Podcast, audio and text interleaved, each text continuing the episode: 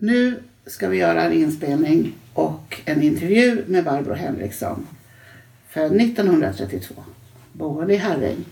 Hur hon och hennes familj upplevde eh, att hennes mamma kom på sanatorium när hon var bara fem år. Och hon fick nämligen tbc.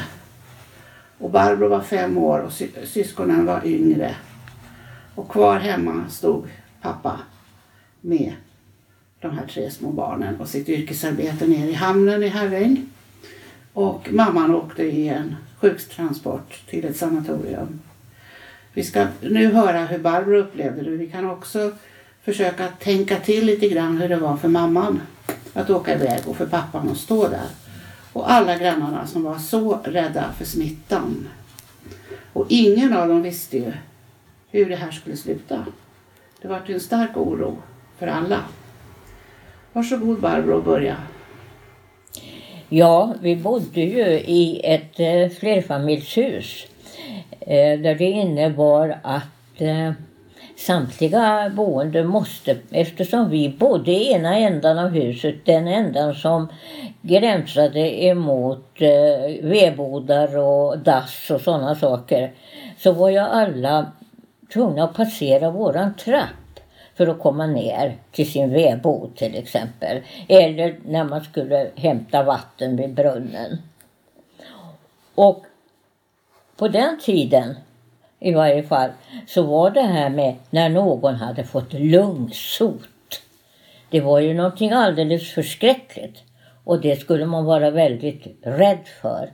Så därför vågar inte våra eh, lekkamrater eller deras föräldrar passera våran trapp. Utan de gick ut på Herrängsvägen och så gick de eh, 40-50 meter så kunde man via en liten väg komma ner till dass och vedbodar. Så att skräcken för att de också skulle bli sjuka var ju väldigt stort och det fick konsekvenser för, vår, för oss som barn. Vi, när vi kom ut för att leka då var de andra barnen tillsagda att då skulle de gå hem. Så att det var inte precis någon rolig situation för oss som barn. Och våran pappa, han var ju tvungen att gå till sitt arbete redan klockan sex, halv sju på morgonen och sen kom inte han hem förrän fyra, fem på kvällen.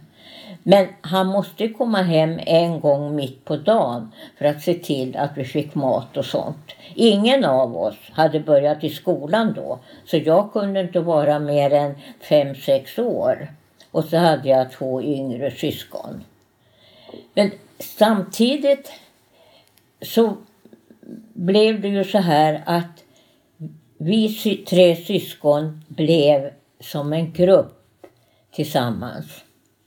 Vi svetsades samman så vi lekte eh, inomhus själva. Och sedan så var det ju så här att pappa måste arbeta. Så jag var äldst av syskonen. Så jag fick ju bära ansvaret för att vi tog mat ur skafferiet som pappa hade gjort i ordning. Att det fanns mjölk att dricka. Och sen fick jag också lära mig hur man höll spisen varm. Att det fanns ved inne, det såg pappa till. Sen var det min uppgift att se till att det fanns eld i spisen hela tiden. Så att när pappa kom hem på kvällen vid fem, sex tiden då skulle han göra ordning middag åt oss. Och då behövde han inte göra eld utan spisen var redan varm så han kunde påbörja det. Så det här, det här lärde mig och mina syskon att det var viktigt att vi höll ihop. Och det var någonting som sen följde oss genom hela livet. Vi hade, vi fick en respekt för varandra, varandras åsikter. Vi fick känslan av att det är viktigt att man som syskon håller ihop. Och att man har förståelse för varandras situationer i livet. Det är någonting som jag lärde mig väldigt mycket av när man var, gick i skolan och det där. Då, då tänkte man inte ett dugg på det sättet. Men när jag sen kom ut hemifrån på min första arbetsplats. Då upplevde jag det här saknaden av att ha syskonen bredvid mig som jag kunde berätta allt för. Som jag, både glada saker och eh, mera ledsamma saker som hade hänt i ens liv. Och det här är någonting som du har burit med dig och verkligen värderar det här med dina syskon. Det förstår jag ju mycket väl. Ja. Men du gjorde eld i spisen, du skötte dina små syskon, du skötte ju allt som var hemma. Vem var det som handlade? Vad sa du? Vem? Vem var det som handlade matvaror? Ja, det fick ju pappa göra. Ja. Utan att det, eh, han, fick, ju- han jobbade vid Herrängshamn med sjöfarten. Så att eh, han hade möjlighet att gå ifrån sitt arbete mitt på dagen någon timme för att se till att vi fick mat, att vi åt. Va? Men han måste ju också ha känt ett väldigt stort ansvar och oro Ja, när ni var ensamma. När Ja. ni visste att grannfruarna var rädda. De kom inte och hjälpte er. Ni hade Ja. egentligen ingen att gå till. Ja, och det var ju också så att mamma hade ju systrar som inte bodde så långt ifrån oss. Men på den tiden hade man ju inte bilar och sånt att transportera sig utan det var ju cyklar. Men till och med våra mostrar eh, drog sig för att höra av sig till oss. För tbc var en sjukdom. Ska kan man tänka sig att det här var ungefär, om jag är född 32, det var innan 40-talet bröt in alltså. Ja. Och upp, din mamma fick ju sin tuberkulos av att hennes bror var på sjön och fick tuberkulos och blev hemskickad. Och mam, din mamma och hennes systrar skötte om honom. Så Ja. blev hon smittad. Ja. Och då var det ju så här också att eh, ett par av mammas systrar bodde inte kvar på orten. Men det fanns tre stycken som bodde eh, inom området Herräng om vi säger så. Och, men de, de tyckte de hade barn och de hade, men det hade ju mamma också så att säga. Så inte ens de vågade sig hem till oss. Nej, och det är egentligen vad jag har förstått mänskligt att vi försöker se till oss själva. Men när jag ser på din pappas situation som måste ha varit otroligt stressig. Vare sig han var hemma med er eller inte så att säga. Sköta om mat och kläder och tvätt. Och vem tvättade hans kläder? Vi vet att mammorna gjorde det. Sen vet jag också att du har berättat att när din mamma blev sjuk så skulle hon ha morgonrock och tofflor till sanatoriet. Och då fanns det ju inga pengar. Nej, det blev ju så här att pappa undervisade mig helt enkelt. Nu bär jag in ved, lägger det här i ugnsluckan eftersom spisen har varit varm så veden är torr. Så du behöver inte vara bekymrad när du tänder eld. Och då gör du så här, sa han. Då finns det små stickor här som jag har gjort i ordning. Och så lägger du in dem i spisen och så tänder du på. Och så var det en pappersbit som man hade. Och när de där små stickorna började brinna då kunde jag lägga på vedträden. Och det här är ju någonting när du och jag samtalar. Du säger ju ofta att det sa min pappa och det lärde min pappa mig. Fast du redan själv har en väldigt hög ålder så sitter det här kvar väldigt mycket. Men din pappa fick ju gå och låna pengar. Vad sa du? Din pappa fick ju gå och låna pengar. Ja, det var ju så här att för att hamna på sanatorium då som mamma gjorde så skulle hon ha med sig vissa saker själv som hon ägde. Hon skulle ha med sig nattlinne. Hon skulle ha med sig morgonrock. Hon skulle ha med sig ombyte, ett ombyte av underkläder och kläder. Och eh, det här fanns ju Vem hade morgonrock på den tiden i Hensvikettan? Det var ju inte någon mamma som hade morgonrock. Men, och det var ju, det var ju mycket att köpa det här. Så jag, jag har sedan gammalt sett ett kvitto hemma där pappa gick upp på kontoret, bolagets kontor och bad att få låna pengar för att köpa det här. Därför att hon fick det när hon kom in på sjukhuset, men via socialen.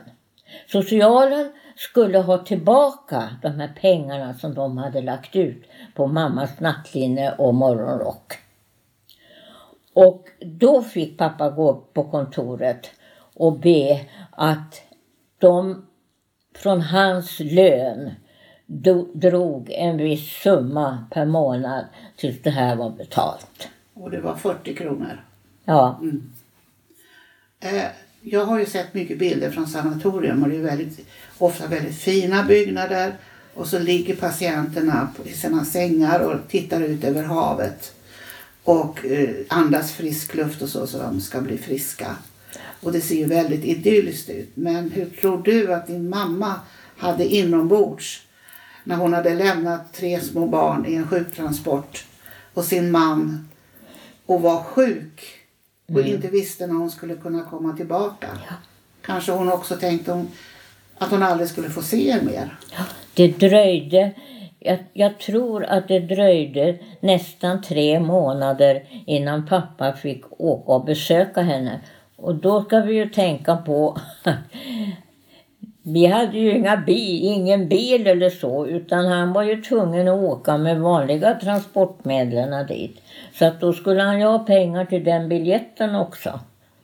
Och sen var det ju så att från hans lön så drog eh, kontoret pengar som fördes över till socialen tills han hade betalat den här utrustningen som mamma behövde. Så att, så att det blev, jag funderar idag och tänker så här. Vilken fantastisk pappa! Han berättade aldrig det här för oss. Utan det här har jag fått veta genom mamma. Så att säga. Och genom att jag eftersom de gick bort hittade i, i deras, eh, eh där de hade samlat sin, sina papper av olika slag. Där hittade jag de här kvittona. Så att därför så vet jag att det var så. Ja. Men det fanns ju ingen hjälp att få med barnen, alltså med omskötsel eller någonting. Ingen, Nej. Ingenting sånt och så. Sen var din mamma borta en 8-9 månader och det är en väldigt lång tid. Och sen när hon kom tillbaka så fick din pappa mm. utrusta en skrubb som hon skulle sova Ja, det var så här att när hon kom tillbaka hem så skulle hon sova i ett eget rum som det hette. Och det fanns ju, lägenheterna var kök och rum. Och i rummet då så fanns det ju en soffa och en säng bland andra möbler. Men i soffan där låg vi tre barn och i sängen där låg pappa. Och då fanns det ett förråd eh, byggt in till, dikt in till, där man kom in utifrån. Och eh, det låg dikt in till det stora rummet. Så då fick pappa löfte från bolaget om att ta upp eh, väggen, en dörröppning i väggen från stora rummet in till det här förrådet. Och så fick han också löfte om att han fick isolera och breda invändigt det här förrådet så, så att det liksom var, blev som ett litet rum. Och där sov mamma i åtminstone ett år innan hon kunde få sova ute med oss i det här stora rummet som vi hade då. Så, och, det, och det var... Ja, det var ju svårt för att vi var ju glada när hon kom hem. Men då fick vi veta att ni får inte krama era mamma. Hon får inte krama er. Mm. Och till, tills dess mamma hade varit på sin första kontroll på dispensären i Norrtälje att hon var, verkligen var frisk. Mm. Det var Så, så att det, där, det, där, det där var väldigt, väldigt svårt att eh, leva, leva så att man hade mamma hemma och, och man ville vara med mamma. Men man fick inte vara med mamma. Nej, och det måste ju ha präglat dig och dina syskon. Och Ja. Som du säger att ni blev sammansvetsade. Och jag, alltså din mamma måste ju ha haft mycket starka upplevelser av det här som du också nu beskriver. Det är ju inte bara ni som har det. Pappa måste ju också ha sett Ja. det här. Och hennes sätt att hantera det här måste ju ha varit jättesvårt. För när man hanterar sina olika svåra saker då jämför man sig med någon annan. Och jag blir väldigt berörd för jag tänker att alltså hon hade ju ingen att jämföra sig med. Och hennes grannfruar var rädda för henne och för er och allihopa. Mycket, mycket svår situation. Det jag vet också var en ljusglimt för henne i alla fall. Det var ju att hon fick lära sig väldigt mycket om örter och örtmedicin. Hon fick, Örtmedicin fick hon lära sig om. ja, Men då, just det det. har du ju berättat Ja, det fick hon. Eh, alltså inne på sanatoriet så det, där fanns det ju eh, olika kvin, kvinnor då som, som var inlagda sjuka liksom hon. Men också via personalen tror jag så fick hon information om att det fanns vissa örter som man kunde plocka. Och sen gjorde man, kokade man dem så man fick en, någonting av det där. Och så silade man bort det. Så att det var, då fanns det en dryck och det drack hon. Och, och det så att vi gick ut tillsammans i skogen och plockade de här grejerna. Mm. Och det har ju varit en värdefull, det har du lärt dig väldigt mycket om. Sen har du ju lärt mig att äta granskott också. Och andra Ja, saker. just det. Att- Ja. För mamma, när, sen när mamma, vi kunde umgås som vanligt och vi gick ut i skogen och så. Då kunde ju hon då, liksom, för att på granarna så kommer ju små ljusgröna skott när granen växer och det ska bli en ny kvist och sådana här saker. Och bland annat dem skulle man kunna äta. Och, och då, då tog hon en sån och så fick vi smaka på dem och, tog, och det var inte alls så dumt. Nej. Vi trodde ju du skulle stickas. Va? Jaha, det förstår jag. Ja, men det gjorde det inte Nej. alls. Utan, och sen var det liksom andra örter också. Hon lärde sig väldigt mycket därav. För på den tiden fanns det ju inte då, något direkt mirakelmedicin som botade. Nej, för det kom i början på 50-talet. Ja, Så var det en. Och då är vi ju inne på att då var jag en fyra fem år. Och då minns jag att jag fick Calmette-vaccinering. Och så minns jag att man fick någon smörja eh, på bröstet. ja, och ett plåster för att se. Och hade också en dispenser som vi fick gå till och fotografera lungor och sådana saker. Sen så har det ju ebbat ut men det är på väg tillbaka. Och det jag har läst nu det är att alltså TBC eller tuberkulos har varit ett gissel sedan forntiden. Det är en bakterie som är väldigt Ja. svår att, att utrota. Och så. så man är lite rädd att det ska komma tillbaka. Men man kan alltså av din berättelse verkligen se hur det slår på mamman och pappan, barnen, grannarna, syskon, kanske mor och farföräldrar. Alla blir ju involverade i det ja. ja. Men det goda som du säger det är sammansvetsningen. ja det finns det, ju tyvärr inte Anders och Kajsa. Jag hade gärna lärt känna dem men de finns inte kvar. Ja, det är, ju, det är ju så. För det var ju så att sen, det var ju mammas bror då som liksom var käll, smittokällan för henne. Och han dog ju sen i den här sjukdomen. Så, eh, faktiskt. Och det påverkar ju också Ja. oerhört mycket. Hoppet. För hoppet är ju det vi lever på. Ja. Att det ska bli bra. Mm. Och, eh, och så dör han och det påverkar ju igen. Hur ska det bli? Att den oroskänslan Mm. eh, måste ju ha växt sig stark. Eh, För även om man är rationell och tänker att vi vet inte Mm. så är det ju en väldigt stark oro i det här. Men det gick ju ändå väldigt bra och de byggde ett hus tillsammans på Malmvägen. Dina föräldrar. Vadå? Dina föräldrar byggde ett hus på Malmvägen. Ja, det, det gjorde de sen. För att det var ju så här att bolaget eh, ställde en rad to- tom, tre, fyra tomter till förfogande eh, eh, på Malmvägen. Och eh, då var det så här att då var det tre stycken av de här, pappa plus två andra gubbar, som slog sig ihop. och eh, eh skulle, för det var berg på de här tomterna och man ville ju ha källare. Va? Så att eh, de skulle spränga då väldigt mycket för att få utrymme för källaren. Men på pappas tomt låg berget i dagen. Så där, så där gick det bara att spränga så att det blev en platta. Så att eh, vi hade ett hus som var i två våningar men det ena var källarvåningen så att säga. Vi får tacka dig så väldigt mycket för det här. Och så kommer vi återkomma till nästa fas i ditt liv och hur Ja. det har gått för dig.